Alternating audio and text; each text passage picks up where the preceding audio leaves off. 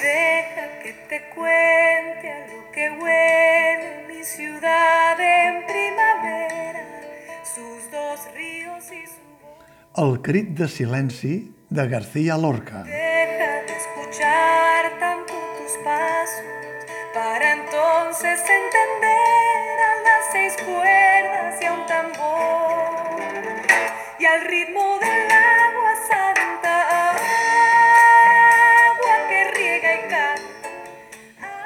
En el 85è aniversari de l'afusellament de Federico García Lorca,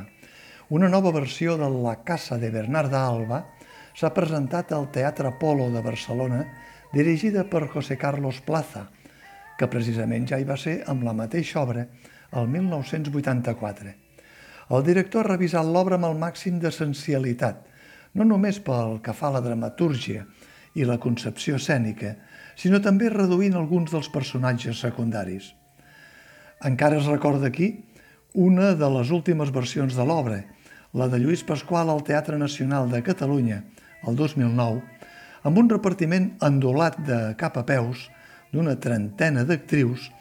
amb tots els personatges i amb el duel interpretatiu entre Núria Espert i Rosa Maria Sardà.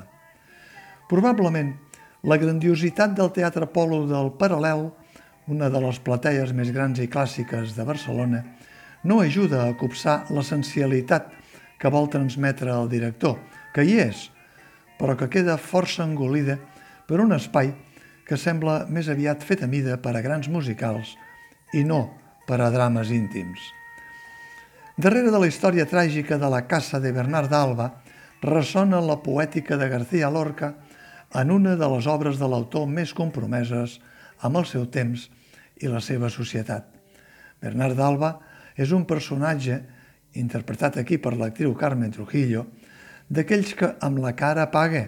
i amb el bastó sempre a punt protagonitza un tàndem interpretatiu d'alta volada amb el personatge de l'actriu Rosario Pardo, la vella criada Pòrtia, la que coneix tots els racons i els secrets de la casa. L'obra té una construcció arquitectònica que travessa tot l'ambigat d'una època i d'una societat. La potència matriarcal en un ambient rural dels anys 30 del segle passat, la distància dels homes, els del poble, els segadors temporers, sempre fora de la casa, fins a l'extrem que fins i tot Pepe el Romano, que és l'únic personatge masculí amb dret a entrar també n'és absent. I al voltant d'aquesta frontera homes-dones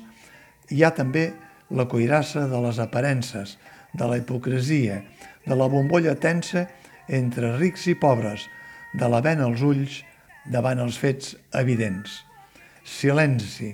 el crit esgarrador de García Lorca en boca de Bernard d'Alba,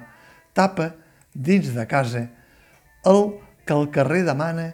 que es tapi amb el linxament de la dona que ha traspassat els límits morals establerts.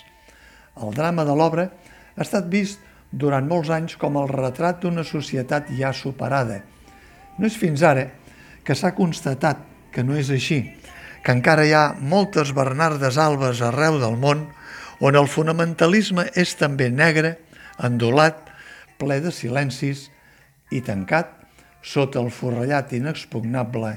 de les seves cultures.